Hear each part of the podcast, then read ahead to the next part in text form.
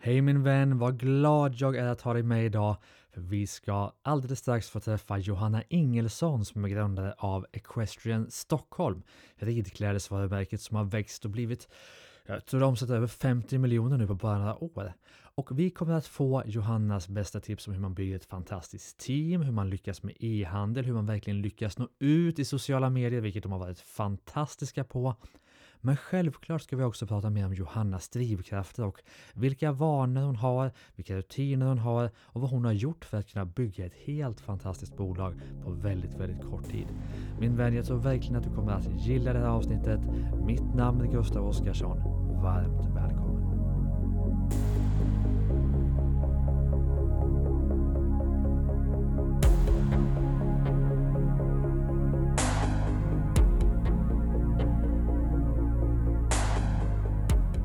Varmt välkommen till Ordinary People Who Do Badass Things. Johanna, Tusen, tusen tack. hur är läget? Jo men det är jättebra. Det är en eh, ganska fin dag idag tycker jag. Så att jag är på gott humör. Ja, alla dagar är väl fina, tänker jag. Ja, Eller? Du kom in med så härlig energi, det var därför jag tänkte att det, du känns som en person som ofta har fina dagar. ja men jag tror att jag är nog eh, i grund och botten en väldigt eh, positiv person Mm. skulle jag säga. Men du, nu har jag läst på väldigt mycket om dig såklart inför podden. Men jag tänkte ändå vara lite lat och ställa första frågan så här. Vem är du? Ehm, Johanna heter jag, är vd och grundare för ridklädesmärket Equestrian Stockholm. Mm. Och det säger ju inte så mycket egentligen om dig och det ska vi komma in mer på. Men du, Equestrian Stockholm har ju, du ska säga så här, du har ju prisats många gånger för ditt entreprenörskap. Equestrian Stockholm, hur mycket omsätter bolaget idag? Eh, idag ligger vi, vi har ju brutet räkenskapsår. Jag vet, det var jättejobbigt så Ja. jag kollade upp det innan. Så att eh, nu när vi sitter här och pratar så har ju vi gjort halva året. Ja, Så att, eh, men förra året, som är de officiella, eh, ligger vi på eh, lite över 50 miljoner. ja. Och du startade, kommer jag ihåg fel nu, eller var det 2015 som du ägde bolaget? Mm, Det har gått väldigt, väldigt fort. Mm. Alltså här vill man ju veta allt. Alltså, I den här podden så ska vi egentligen bara snacka om dig och hur du tänker, varför du har lyckats med det här. Men vi måste snacka lite bolag först känner jag. Ja, men Är det absolut. okej? Ja, gud ja.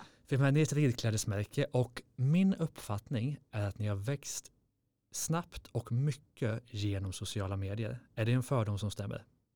Ja, det skulle jag säga absolut. Mm. Vi har ju, som de flesta vet när man jobbar med sociala medier och så, är ju att eh, Alltså med hjälp av just det mediet Mm. och vi har då Instagram som vår största eh, kanal så kunde ju vi ganska snabbt gå om väldigt stora varumärken. Mm. Alltså varumärken som är enorma utomlands. Eh, och på så sätt tror jag att det har gått fortare för oss än kanske andra varumärken. Mm. Men hur många följare har ni i, på Instagram till exempel? Ja, nu ska jag kolla här Ja. direkt. Eh, vi växer ju, vi är ju idag det största ridklädesmärket i världen på Instagram. Så det växer så mycket så att du måste kolla i telefonen nu för att det kan ha Exakt, växt så mycket sedan i morse. jag måste ju säga rätt Ja. nu när jag ändå sitter här i den här fina Vad sa du, största i? Eh, vi är det största ridklädesmärket i världen på Instagram. Det är ju helt magiskt ju. Mm. Kan man lägga till en applåd? Jag kan applådera lite här i studion. Så. Snyggt. Hur många? Eh, landet. 368. Åh du, det är ju magiskt ju. Mm. Är det på engelska eller svenska på? Det måste, borde jag kollat men. Eh, På ja, Instagram. det är på engelska. Det på kör engelska. vi bara.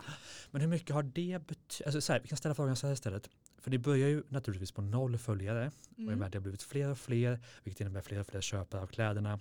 Men vad har ni haft för strategi för att få så många som vill följa er? Jag tror grunden till när vi, eh, Instagram är ju mitt lilla hjärtebarn. Ja. Alltså jag, jag älskar ju sociala medier och tycker det är ett väldigt spännande sätt att jobba på och Mm. hur man når ut till sina kunder. Så jag tror att om, om, om det här skulle vara en lyssnare till exempel Ja. som eh, kanske vill starta eller börja jobba mer med sociala medier. Mm. Att man först tänker på sin målgrupp. Eh, vad är det de vill se? Mm. Eh, vad gör det att vissa konton vill du följa? Alltså vad är det som gör det intressant? Mm. Och det är liksom steg ett så att man har en plan för det. Ja. Eh, två är ju samarbeten med olika eh, partners, det kan vara influencers, andra varumärken som kanske inte som inte, ja, ni konkurrerar inte med varandra utan ni kan samarbeta på andra sätt. Mm. Och sen så ehm, det tredje är såklart content.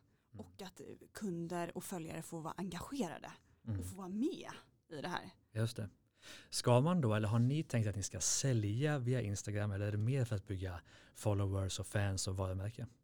Jag tror att eh, som topp ska det vara att bygga varumärke, Ja. bygga den här bilden av bolaget, att få eh, trogna kunder. Mm. Men sen är det ju en väldigt viktig säljkanal för oss. Men säljer ni direkt via Instagram eller går man vidare då till e-handeln? Ja, vi länkar ju från vår Instagram till Ja, e-handeln. Och nu kan man ju med Insta shopping göra att du, du går in så kommer du ju direkt till produkten på Mm. hemsidan. Exakt.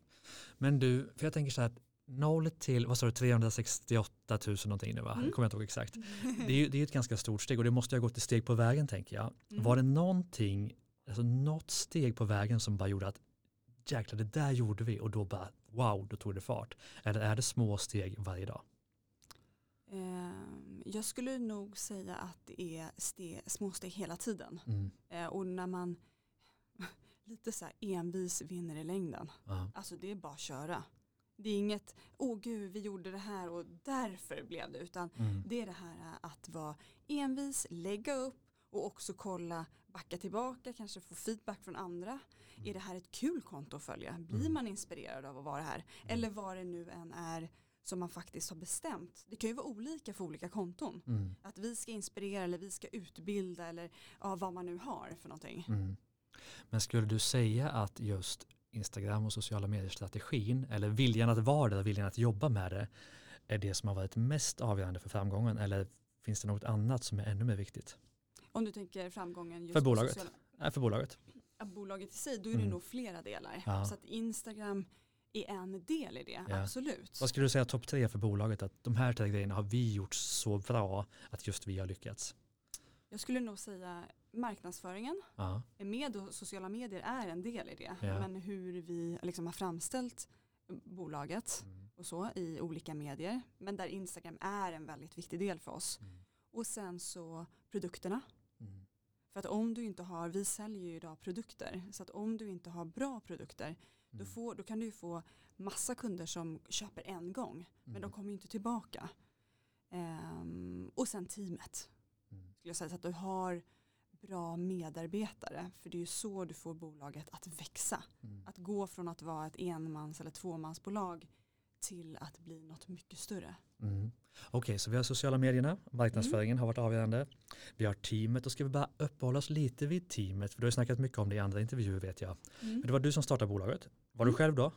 När du startade? Eh, ja, jag började ju jobba med bolaget. Ja. Jag tror att de flesta, eller de flesta, men många kanske vill känna sig för Ja. innan man startar själva bolaget, alltså Mm. AB, vilket jag gjorde. Så jag jobbade med det i, ja, vad kan det vara, två år kanske innan, började känna av. Ja, Innan du startade marknad. bolaget? Ja. Ja, precis. Man börjar känna av, kolla. När man jobbar med produktion så är det ju att ta fram en produkt Mm. Tar mellan, jag skulle säga 8 till 12 månader. Ja. Från det att eh, du liksom ja, börjar jobba på den till att den faktiskt kommer in i handen. Mm. Eh, Beroende på vart du producerar såklart. Eh, Så det tog lite tid och sen så startade vi då 2015. Mm. Och sen så på den vägen Mm. är det sen. För jag har för mig att jag läst också att du har tagit in medarbetare som har blivit delägare. Mm. Stämmer det? Mm. Hur har du tänkt där? För det är ju det är en utmaning. Alltså, hur vet man att den här personen är rätt? Ska man ge bort aktieägarandelar? Ska den få köpa in sig? Mm. Vad har varit ditt tankesätt där? Mitt tankesätt var att försöka få in personer som jag tänkte ville göra den här resan. Mm. Sen är ju det eh, ett litet vågspel. Mm. Alltså sådär, det är ju för alla som startar bolag. För att ja, den personen kommer ju gå med dig på resan. Mm. Så där väl jag, om man står i dagsläget kanske och tänker att man ska starta bolag, att man verkligen tar tid till att verkligen lära känna varandra Mm. innan man går in. Inte bara ge bort andelar högst, högst flux utan Nej, och ibland, ibland som eh, entreprenör eller man har så mycket, man vill så mycket. Mm. Så att ibland kan man göra det, tror jag, för fort. Mm. För att man, man vill bara sätta igång. Ja. Gud. Och ändå har det gått så fort för er, men det måste ändå ha gått fort. Ja, Eller? Ja. exakt. Så att, eh, men det är väl något eh, råd jag skulle ge ja. eh, till både till mig själv men till andra. Ja, Att sådär, Det är skönt just att ge sig själv ett råd i efterhand. Liksom. ja, ja men, och, och likadant med anställningar. Ja. Att låta det ta tid. Ja. Liksom. Ehm, det tror jag är jätteviktigt. Så det, Ja. det får liksom leva med hela ehm, bolagstiden tror jag. Mm. Men har du jobbat, nu, mest, nu är jag nyfiken själv, har ni jobbat någonting med alltså personaloptioner eller så, eller har det varit delägarskap på en gång? Ehm, ja, alltså just de här personerna är ju delägare. Eh, så inga optioner liksom till hela bolaget. Eller Nej. så. okej. Men okej, då har vi teamet, viktigt. Eh, Mm. Bara kanske någon följdfråga där, har ni något liksom speciellt eller någon speciellt verktyg eller strategi du använder för att bygga teamet? Jag skulle nog säga att just det här att få vara med och påverka. Ja. Det är jätteviktigt för mig. Mm. Ehm, och att min ledarstil, jag försöker aldrig, aldrig gå ner och så här, direkt styra, alltså Mm. in i detaljer på Mm. saker. Utan jag, jag, för mig är det viktigt att man känner att man får vara med och påverka, att man verkligen får vara med och driva det här bolaget framåt. Mm. Och med det så innebär ju det att få massa utrymme. Gud, jag får vara med och påverka, får med och driva mina idéer, jag blir hörd. Mm. Liksom, vi kan testa olika saker. Mm. Och, och också innebär det ju ansvar. Det. Att man jobbar tillsammans som ett team men man har ändå sin tårtbit Mm. där man själv är ansvarig för. Mm. Eh, så just den dynamiken tror jag, Ja. eh, den är väldigt viktig för mig. Och det där är ju så lätt att säga och alla Mm. tänker att så där ska man göra, man ska delegera, man ska liksom låta alla få sitt ansvar. Men det är väldigt få entreprenörer som lyckas med det verkligen, för man är inne och pillar lite och man tycker och tänker att jag hade gjort det där bättre och hit och dit. Hur lyckas du med det på riktigt liksom? Eller är du bara den typen av personlighet? Eh, Lite tror jag att jag är den som personlighet och sen Ja. får man ju välja också vilka, vilka områden. Mm. Där, det finns ju områden i bolaget där jag är otroligt engagerad, alltså in på detaljnivå. Ja. Typ finns- Instagram eller? Eh, precis, Ja. alltså den, där sköter jag fortfarande produktion, Ja. design, design framförallt. Ja. Eh, är jag ju inne väldigt mycket Ja. just de delarna. Medans ekonomi Mm. eh, till exempel är ju Mm. något sånt som jag känner 100% förtroende. Mm. Där, skulle jag aldrig, där jobbar vi tajt men jag skulle aldrig gå in och försöka styra hur man jobbar. Mm. Men det känns, och du sa det lite innan när vi, när vi försnackade lite, att det är nu det börjar bli kul. Ja, men nu omsätter vi 53 miljoner i fjol. Det är nu det börjar bli kul att, att leda bolaget. Och det kanske får mig att tänka att, att du inte är den som är den här uppstarten och tycker att det är kul att vara enmansföretag och sådär, utan du vill vara med när det blir någonting stort. Och det kanske liksom verkligen är, är din fördel att, att det är tack vare den, vad ska man säga, den personligheten som bolaget har kunnat växa. Men var det jobbigt i början tyckte du, när du var själv i början? Alltså, kommer du ihåg den tiden som jobbig eller var det bara kul också? Nej, den, självklart är det ju roligt men den Mm. är ju otroligt krävande. Ja, Alltså där är det ju jobb dag och natt. Jag, jag jobbar fortfarande mycket. Ja. Så, men det vad innebär det? vad är mycket för dig? Nej, men det är väl det här att man det händer ju saker hela tiden Mm. i ett bolag. Det går höger, vänster. Oj, nu blev det liksom, nu måste vi svänga om här. Ja, Ehm, och eftersom vi är ett snabbväxande bolag och jag har de målen jag har mm, så är det att man måste hoppa in mm, ganska ofta. Eller att det händer saker och sånt. Ehm, men den, den grejen stör inte mig nej, alls speciellt. Så jag, jag tycker det är mycket, för mig är det mycket mer givande ju större vi blir. ja. Men ändå, jag vill ändå tillbaka till att jobba mycket. Alltså hur mycket jobbar du? Oj, svår fråga. Ja, Nej, men- det det vara. Nej, men jag är ändå nyfiken av den enkla anledningen att det finns en bild av att entreprenörer ska jobba mycket. Och jag ställer ofta den frågan för jag är nyfiken på om den är sann eller inte.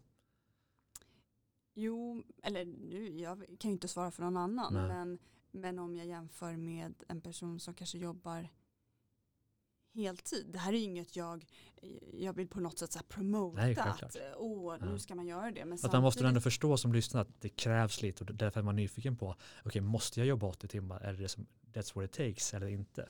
Jag, jag tror att, att man måste vara beredd på det. Alltså så här, Mm. du måste gå in att i vissa perioder då är det mycket. Ja. Och också kunna acceptera det. Mm. Att inte, jag vet att många till exempel har svårt med det här, åh jag ska vara en perfekt partner, jag ska Ja. vara jätteduktig på jobbet, om jag har barn, ja men då ska jag vara en jättebra mamma eller pappa, Mm. förälder.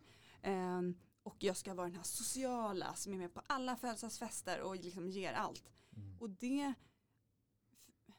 det går ju liksom inte. Utan, och där tror jag att jag kan vara som person ganska rationell. Ja. Att det är inte att jag ge, liksom beat me up för att jag inte är det. Utan jag har ju valt ett, jag har gjort ett val. Det här är superviktigt för mig. Mm. Och i den här perioden i mitt liv, då är det det här som är viktigt. Mm. Och det har gjort att jag har valt bort vissa saker. Mm. För att till exempel när jag är hemma, men då kanske jag behöver vila.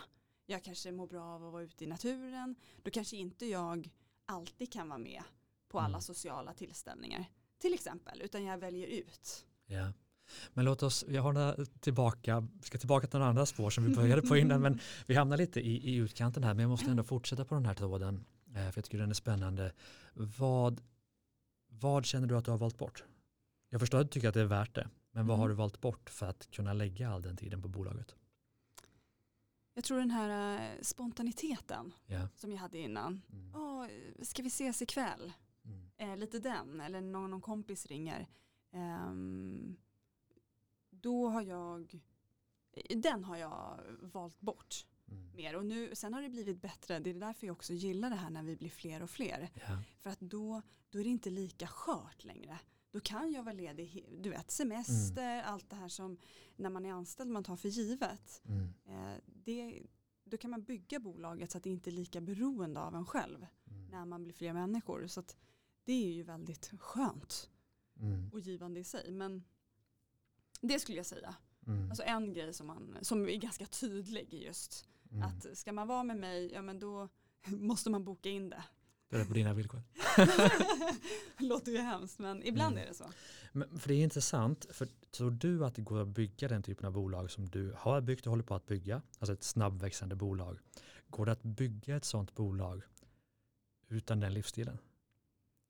Kan man göra det lite halvdant och jobba vanliga tider eller måste man ha den här liksom ja, fullt 100% full passion all in?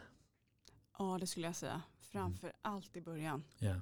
Då är det, då är det driv liksom. Mm. Och, då, och viktigt också att man kanske informerar sin eh, liksom omkrets eller de man umgås med. Mm. Man kanske har en partner eller liknande. Att nu, jag vill testa och satsa på det här. Mm. Och nu kommer det vara all in. Mm. Så att heller inte att man får att ens omgivning försöker ge en dålig samvete på grund Mm. av det. Utan att man också ska våga få flyga och testa det här och köra all in. Absolut. Men jag upplever precis, precis som du säger nu att många jag har intervjuat i den här podden Eh, Män, kvinnor spelar ingen roll. De som satsar hårt på bolaget, de har i princip bolaget och familjen. Mm. Det är det de har. Liksom. Det behöver inte vara familj med barn, men förhållandet och, eh, ursäkta, och bolaget. Mm. Och det är väl fine. Så länge man är tydlig med det tror jag. Mm. Speciellt mot sin partner och så vidare. Absolut. Och sen så får man ju se till sina, där kan jag se med mina Mm. vänner att vi, nej jag kanske inte kan träffa dem varje dag, men när jag väl gör det så är det ju, då betyder det ju jättemycket um, för en. Men, men jag tror att det är en genomgående, det behöver ju inte vara negativt.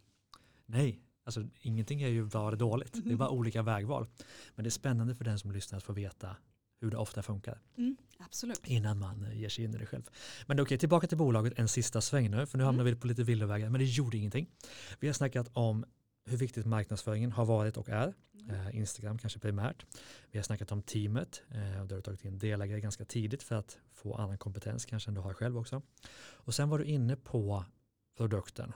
Och Mm. där skulle jag vilja ställa några korta frågor om, eh, om e-handel. För jag upplever att många som lyssnar är väldigt nyfikna på e-handel. Ni säljer ju både genom återförsäljare och e-handel. Precis. Om vi snackar e-handel, vad anser du är nycklarna för att lyckas med sin e-handel? Du får gärna tänka både Sverige och internationellt då. Mm. Jag tror att vi, vi har ju valt en, eh, i dagens läge kanske lite annorlunda eh, del att vi har gått både via återförsäljare och e-handel. Mm. Eh, vi jobbar ju, om man, om man bara kollar på e-handeln då, Mm. så är ju, och då, nu, om jag börjar med internationellt, Ja. att okej nu ska vi gå in i ett nytt land. Går ni in, nu, ursäkta in, men när ni går in i ett nytt land, går ni in med fysiskt kontor då eller är det bara digitalt? Bara Bara digitalt. digitalt. Ja, fortsätt. Ja, så att, eh, men det här är ju mer om vi ska storsatsa, till exempel Ja. som när vi gjorde med Tyskland. Mm. Okej, nu ska vi satsa på tyska marknaden. Och då börjar vi först kolla, okej, vad, vad finns det för återförsäljare i Tyskland? Mm. För att när vi, vi har sett att när vi öppnar en ny återförsäljare så ökar också e-handeln, vår egen e-handel liksom med Omneid. Eh, vi kollar på vilka samarbetspartners kan det finnas här. Eh, och vi kollar då på olika stall, vi kollar på influencers, eh, vi kollar på olika typer av samarbetspartners. Och sen eh, är det ju då till e-handeln och då är det ju annonsering. Eh, Tyskland till exempel eh, valde vi att göra en tysk sajt, ha tysk kundtjänst. Så att vi verkligen kan uppfylla det behovet, alltså till exempel språket där, alltså det, vi ska göra det så enkelt som möjligt för kunderna och kännas tryggt också att handla från Mm. oss. Men om man tänker då e-handel, alltså det finns ju så många delar av det i logistiken, såklart Mm. jätteviktig. Du har ju själva sajten med designen och känslan och suget på att shoppa. Och sen har du hela motorn bakom, alltså ofta har man lite AI-liknande motorer liksom med vilka produkter ska synas, med prissättning, med allt som är det tekniska bakom. Mm. Vad, om man ska rangordna faktorerna för att lyckas med en e-handel, i alla fall i ert fall då, Mm. vad, vad tycker du är de, det här måste man bara satsa allt på? Jag skulle sä, eh, säga, vi har ju väldigt eh, stora på sociala medier så att man Mm. kan få in folk till sajten, Ja. annonsering. Ja. För om, om man inte vet om er, alltså då är det ingen som kommer hitta er, ni Mm. måste synas. Mm. Och liksom den som skriker högst, lite så, då kommer Ja. man ju till den sidan. Mm. För att liksom locka in. Men när du väl är inne på sidan, då är det ju look, hur ser det ut, känns det här professionellt, hur är kassan, Mm. är det enkelt att handla, förstår man, är villkoren tydliga. Alltså det, det kan tyckas som basic-grejer, men Mm. ibland tror jag att det ska vara, då tänker jag kanske om man har ett flashigt varumärke, att det nästan blir för flashigt. Det. Liksom det, någonstans är det ju ändå att det ska vara, kännas tryggt och bra för kunden att handla. Mm. Att liksom knapparna ska sitta där de brukar, det känns tryggt, Ja, man vill få igenkänning. enkelt. Mm. Inga konstiga klick och sådär. Mm. Precis. Men hur noga är ni, för jag upplever att de e-handlare som lyckas bäst, de är extremt noga med mätningen, alltså konverteringsmätning och man mäter liksom allting och förbättrar detaljerna varje Mm. dag. Gäller det för er med? Ja, vi kollar ju såklart mycket på konvertering och har börjat jobba med det ännu mer nu. Ja. Nu får vi mer och mer folk in, alltså i teamet, så det, det känns väldigt roligt. Mm. Och också en grej som förvånade mig lite, det är hur viktigt eh, mejlutskicken är. Okej, Och hur, det hur tänker man ju var bra lite det går. 2005. Ja, här kommer jag, tror att liksom, ja men det är klart, det, det är väl inte hett fortfarande. Nej. Det är absolut det bästa mediet Mhm. för försäljning. Ja. Det är mejlutskicken. Ja, Okej, för försäljning just det. Så nu Ja. har vi det här erbjudandet eller en ny kollektion eller en kampanj eller vad det än kan vara. Exakt. Mm. Och där om man ska ge tips då till Ja. e-handlare när det gäller just mejlutskick som är otroligt viktigt. Det är ju ett, skicka inte ut för ofta. Ja. Och vad är inte för ofta? Kan man skicka Men en vi- gång per vi- vecka eller är det för mycket? Ja, max. Ja, Ja, eller det här är ju mina liksom, erfarenhet för att ja. vi, vi har ju väldigt hög, nu ska jag inte säga exakt procent för jag kanske säger fel då, men Mm. vi har väldigt hög open rates. Alltså Mm. väldigt många öppnar våra mejl. Mm. De leverantören var till och med chockade. Wow, det här är jättehöga siffror. Ja. Så här, det här är inte vi vana vid. Eh, så att vi försöker inte skicka för ofta. Och när vi skickar, då måste man alltid tänka att kunden är what's in it for me. Ja. Det måste vara något intressant i den, inte Mm. bara skicka ut för att skickandets skull. Nej. Och inte bara sälj.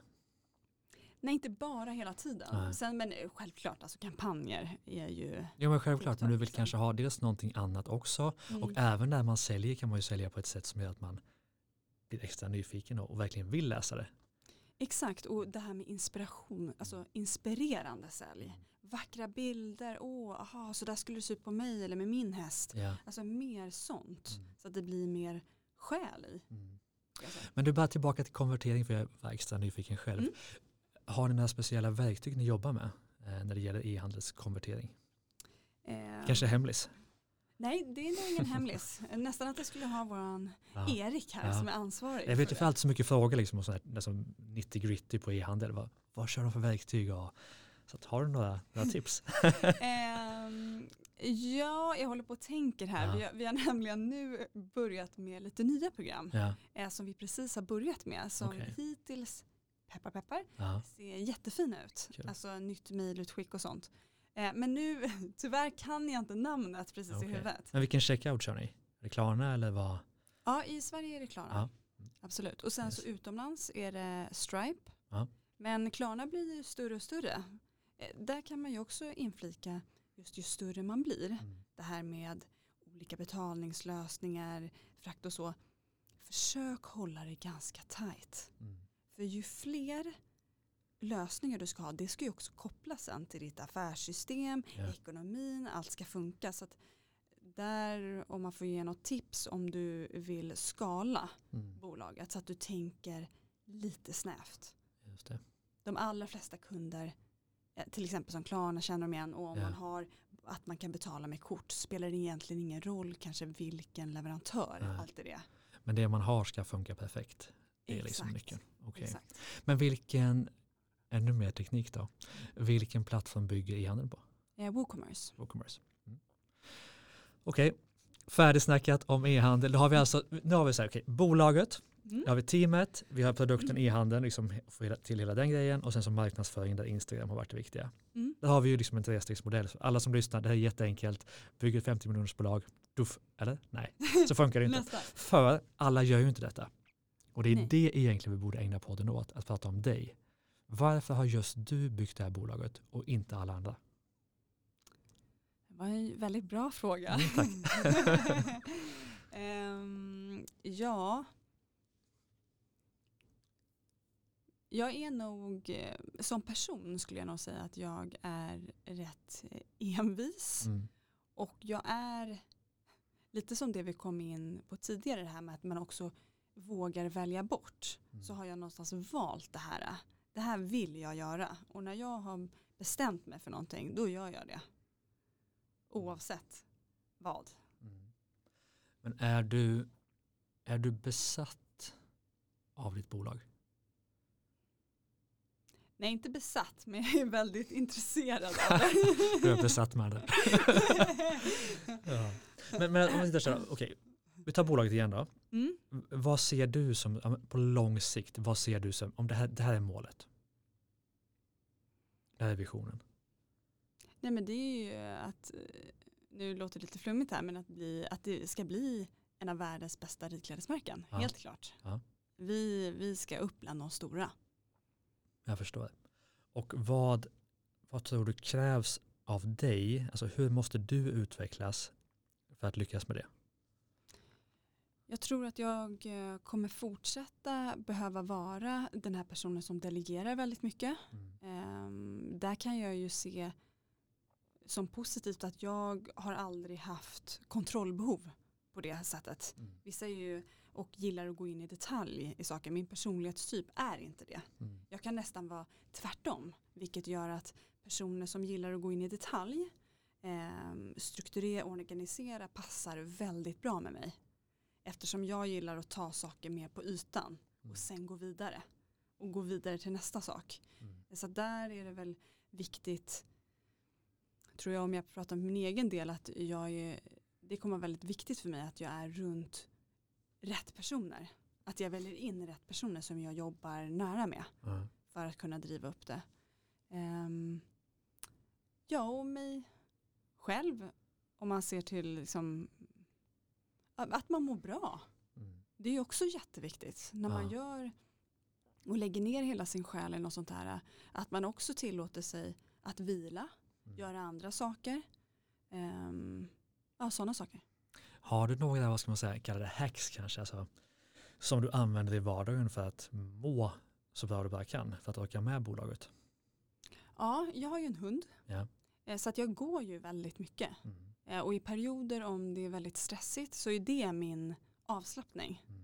Jag är tyvärr inte lika bra eh, på att träna på gymmet och sådana saker. Men däremot det här med att gå Mm. är min eh, terapi skulle jag säga. Mm. Något annat? Äta bra, Mm. det är jätteviktigt för mig. Mm. Jag har ju mina så här, smoothie på morgonen. Okej. Ja, nu måste vi Ja. stanna. Det här är spännande. Det här gillar jag. Okej, smoothie på morgonen. Vad är det Ja. i? Eh, det är alltid banan, Ja, havremjölk, Ja. eh, spirulina yes. och frysta bär. Ja, Alltså det är liksom basen och sen har jag lite olika ehm, och ingefära är alltid i. mm. Och sen kan det växla lite vad man, om det är några mer pulver. Men spirulina är alltid med. okej. Det är mitt Varför då? bästa pulver. Det är inte jättegott. Nej, det, Jag har också i ja. Men det, det är ju inte... Ja, varför har du valt just det?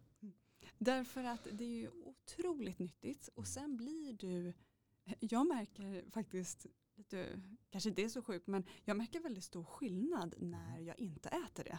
Eftersom Intressant. jag äter det varje dag. Aha. Så På vilket jag, sätt?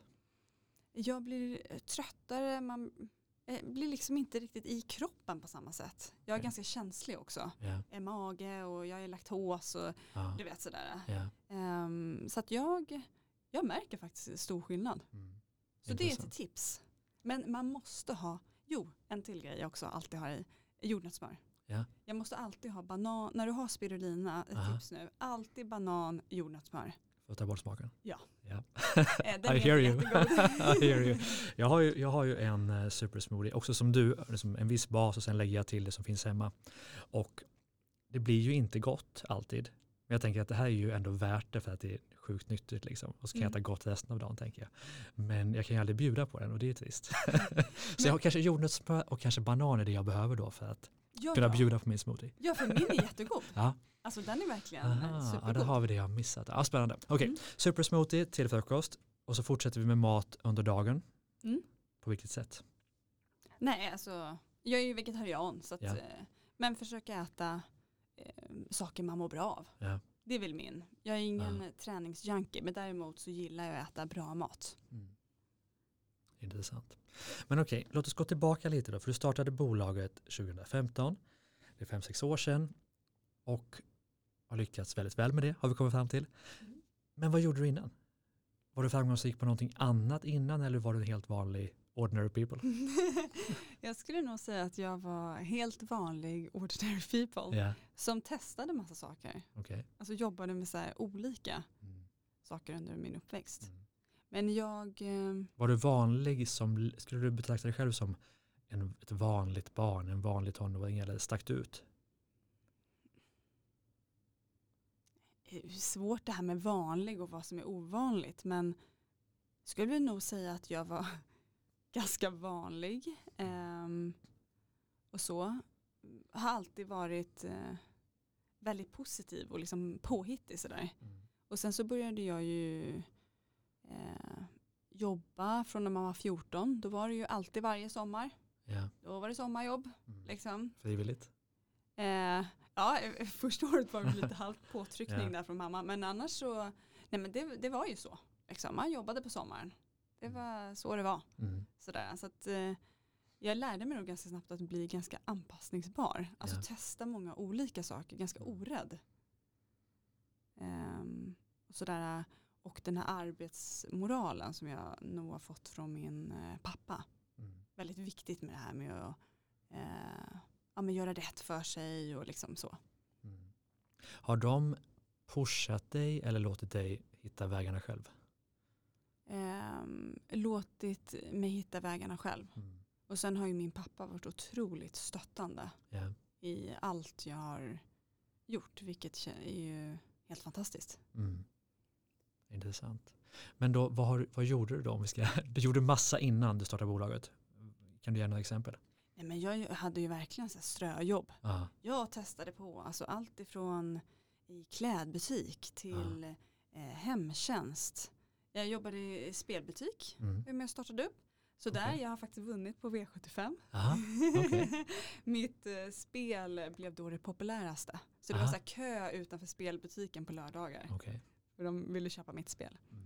Ehm, men väldigt så här random, olika saker. Mm. Och sen så, det här är faktiskt lite kul. Då jag började ju få tankarna om det här med ES. Jag vill Mm. starta ett ridklädesmärke. Ja. Och det var ganska tidigt. Mm. Vad kan det ha varit?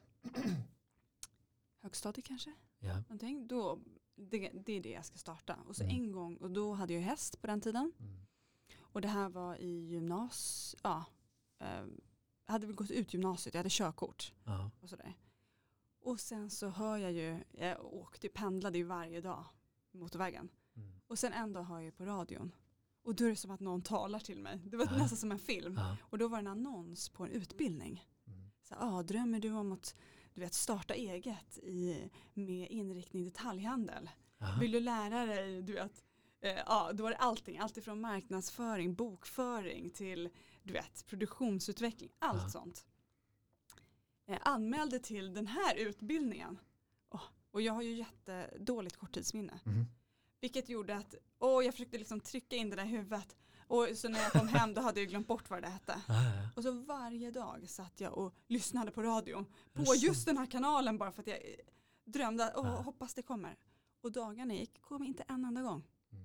Aldrig kom den här annonsen på igen. Mm. Men sen till slut, en dag, typ en vecka senare, och jag var alldeles stressad över det här. Då kom den. Så då var jag tvungen att köra av vägen. För att ta upp mobilen och skriva upp så att jag hade det. Och den utbildningen gick jag. Vilken? Eh, en YH-utbildning. Aha. Tyvärr finns inte den längre. Okej. Eh, men den var jättebra. Ja. Just förebyggande för ES. Okej. Mm. Intressant. Ja. Jag funderar på en sak. Eller jag funderar på många, många saker. Men alltså, det känns som att du är en person som, en fördom till då, som, en, som bryr sig om världen. Jag har bara fått den uppfattningen, alltså hållbarhet, eh, miljön, stämmer det? Mm, absolut. Kan vi hitta något spår där att snacka om? För jag upplever att det känns som att så många av oss som driver bolag har någon form av, vi, vi vill göra någonting bättre för världen och att, jag vet inte, ett ridklädesmärke gör det världen bättre. Mm, Jag tyckte det var en väldigt bra fråga. Och den frågan har jag också ställt mig själv. Mm. Att så här, jag vill kunna göra skillnad. Ja. Det är en del av det som driver mig. Både Mm. att jag kan göra skillnad i de som jobbar hos oss. Mm. Men att göra skillnad men i branschen eller Mm. världen om man nu får Ja. säga. Men ja, det tror jag. För att vi jobbar ju för att ha mer hållbara material. Ehm, att ja, folk kommer alltid rida. Mm. Folk kommer alltid ha ridkläder. Men om vi då kan erbjuda rid och hästprodukter som är gjorda i bra material, som håller mycket, mycket längre, då har ju vi kunnat bidra till en bättre Mm. planet. Och, och där är vi ju inte alls färdiga, utan det här är ju ett pågående jobb hela tiden. Mm. Och också det här med att vi jobbar mycket att ge tillbaka. Ehm, till exempel nu i oktober så skänkte vi till Rosa bandet. Alltså sådana saker. Mm. Där vi har Ride Against Cancer. Mikael som jobbar hos oss. Så där blev det över 180 000 Mm. som vi skänkte. Så det är ju jättekul. Och då Mm. får kunderna också vara med på det Mm. och skänka. Just det. Intressant. Nu hoppar jag hej vilt. Mm. Det, det poppar upp tankar i mitt huvud. Du och jag är ju med i samma nätverk, Mm. eh, Young Entrepreneurs of Sweden, där vi tänker att vi har träffats för vi minns inte exakt när det var någon av oss. Men jag upplever att många, speciellt tjejer då i, i det nätverket, har någon koppling till hästar på olika sätt. Har jag Mm. fel? Visst är det så? Ganska Nej. många som rider, det är någon till som har någon klädmärke tror jag, eller kanske någon gammal medlem. Mm. Fin, finns det någon, nu kan jag vara ute och ha, ha massa konstiga teorier igen, men kan det vara så att, att växa upp i ett stall kan vara en god utbildning om man vill driva bolag? Absolut. Finns det någonting i den tanken? Ja, det tror jag. Sen, man ska ju komma ihåg att eh, ridning är Sveriges näst största ungdomsidrott. Ja. Eh, det är väldigt mycket kvinnor och tjejer som rider Mm. i Sverige, vilket är jättekul. Mm.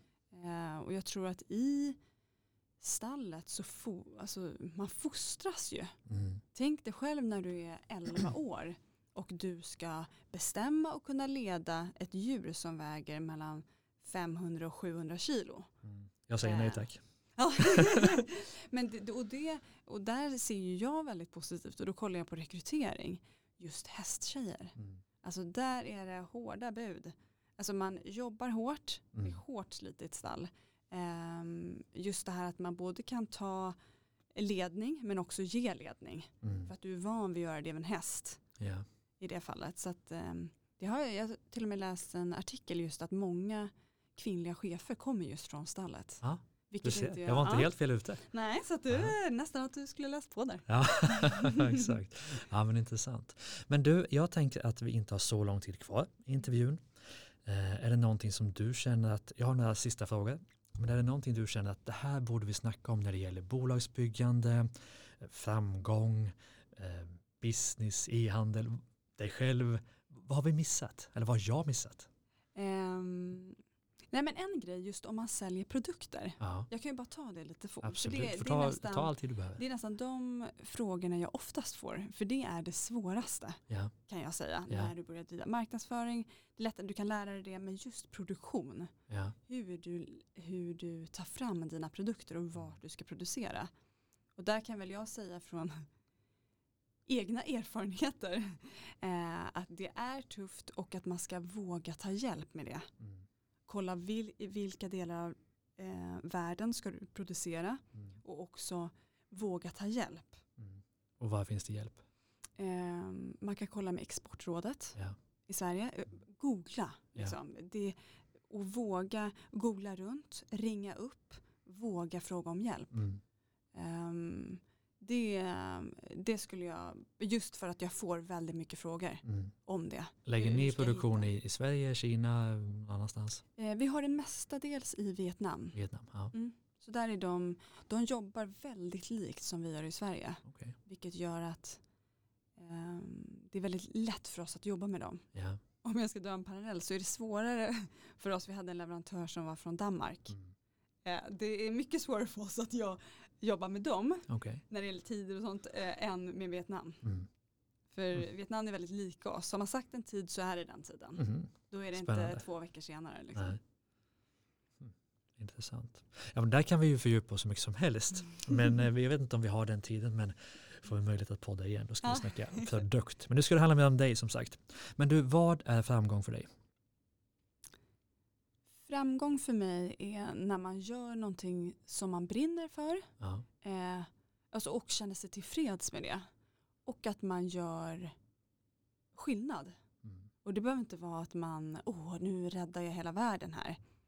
Det kan vara skillnad för en annan människa. Mm. Eller skillnad för ett team. Eller så att man gör, ger någonting eller någonting Mm. som bidrar till någon annan. Det, det tycker jag är framgång. Just det. Och pengar, hur stor drivkraft är det i ditt liv?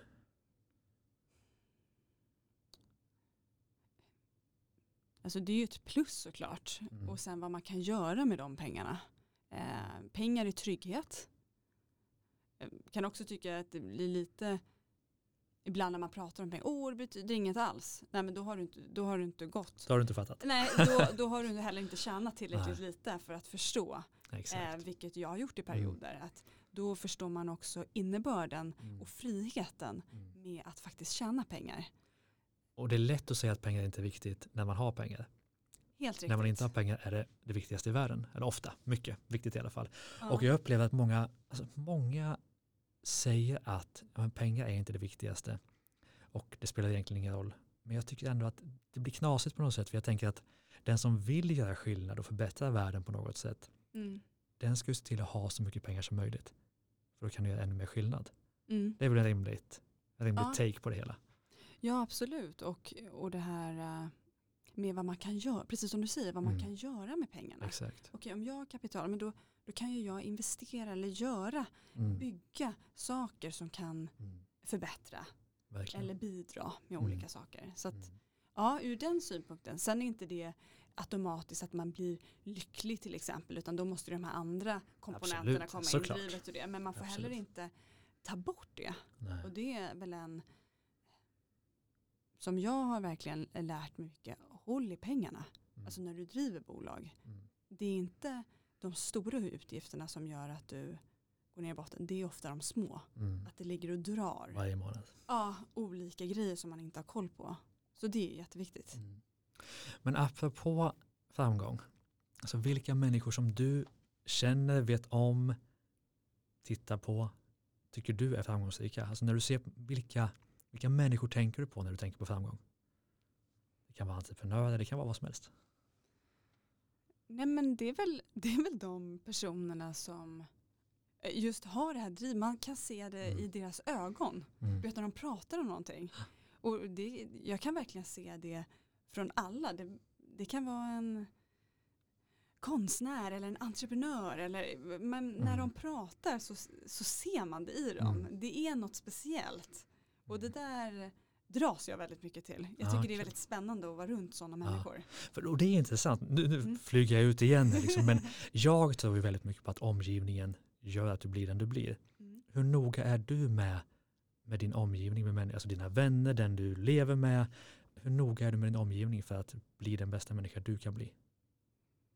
Ja, jag, jag är nog eh, väldigt noga med det. Jag har ju en fantastisk partner Mm. och verkligen helt fantastiska vänner Mm. eh, som jag värderar jättehögt. Som ger dig energi? Precis, och sen att man har olika, om man försöker se det i sitt liv, att man har olika personer till olika saker. Mm. Vissa man kanske man pratar djupt med, vissa är för att det är kul, att man får energi och gör liksom lätta saker med. Att, sådär. Eh, sen är ju jag såklart jättetacksam att jag har en jättestöttande partner Mm. eh, som alltid finns där och familj. Och så. så att ja, och jag blir mer, mer och mer medveten om det Mm. nu när jag blir äldre. Men får jag fråga då, det kanske är för privat, det vet jag inte, men din partner Mm. eh, är med i bolaget? Nej? Nej. Nej. Jobbar med? Eh, han jobbar nu, nu ska vi se om jag säger rätt här. Eh, han jobbar med IT, alltså han är chef. Ja. De håller på med AI och olika saker. Så han jobbar med ett gäng olika konsulter. Just det. Men han är 100% liksom med och införstådd på att du ska köra på med bolaget. Ja, gud ja. Och han själv har drivit bolag Ja. innan. Mm. Så att han vet det här med att nu är det 100%. Mm. Nej, det är ju jättekul. Han är ju så engagerad. Ja, kul. För jag tror att det är väldigt svårt annars. Ja. Verkligen. Ja, men intressant. Okej, sidospår igen. Men du, ska vi avsluta den här podden på något spännande sätt? Då? Nu tänker vi att det är tusentals företagsledare som lyssnar. Mm. Alla, de flesta driver bolag. De flesta har inte kommit så långt som du har. Om du bara fick tänka efter en sekund och skicka med dem ditt bästa budskap. Vad skulle det vara? Ehm, det skulle nog vara det här med det kommer alltid bli fel. Mm. Att man är beredd på det. Fel händer, var så säker. Mm. Eh, men det är hur du hanterar motgångar, hur du hanterar när det blir fel Mm. som kommer göra om du blir framgångsrik eller inte. Mm. Det är det som är hela nyckeln. Mm. Och hur ofta går det fel? Jämt. Varje dag? Det går fel alltid, varje dag. Eller inte Ja. fel, men att Nej, man bara ändrar inte som stigen. man har tänkt. Ja. Nej, man ändrar Ja. riktning. Så att eh, det, det är nog min största lärdom. Om jag skulle säga till någon vad Mm. de ska ta med sig Mm. så är det det. Och inte vara stressad över det. Nej. För fel kommer, tro mig. Så är det för alla. Ja, för alla. Så är det för alla. Och den som är bäst på att hantera, hantera felen kommer längst. Precis. Vad härligt, då fick jag avsluta min egen podd. Stort tack Johanna för att du ville vara med i Ordinary People Who Do Badass Things. Tusen, tusen tack. Och stort tack till dig som lyssnar. Du hittar våra poddar där poddar finns och på driva-eget.se och mittföretag.com. Glöm inte att prenumerera på Ordinary People Who Do Badass Things och även våra andra poddar Business Hacks och Starta Eget-podden. Vi hörs snart igen. Hej då!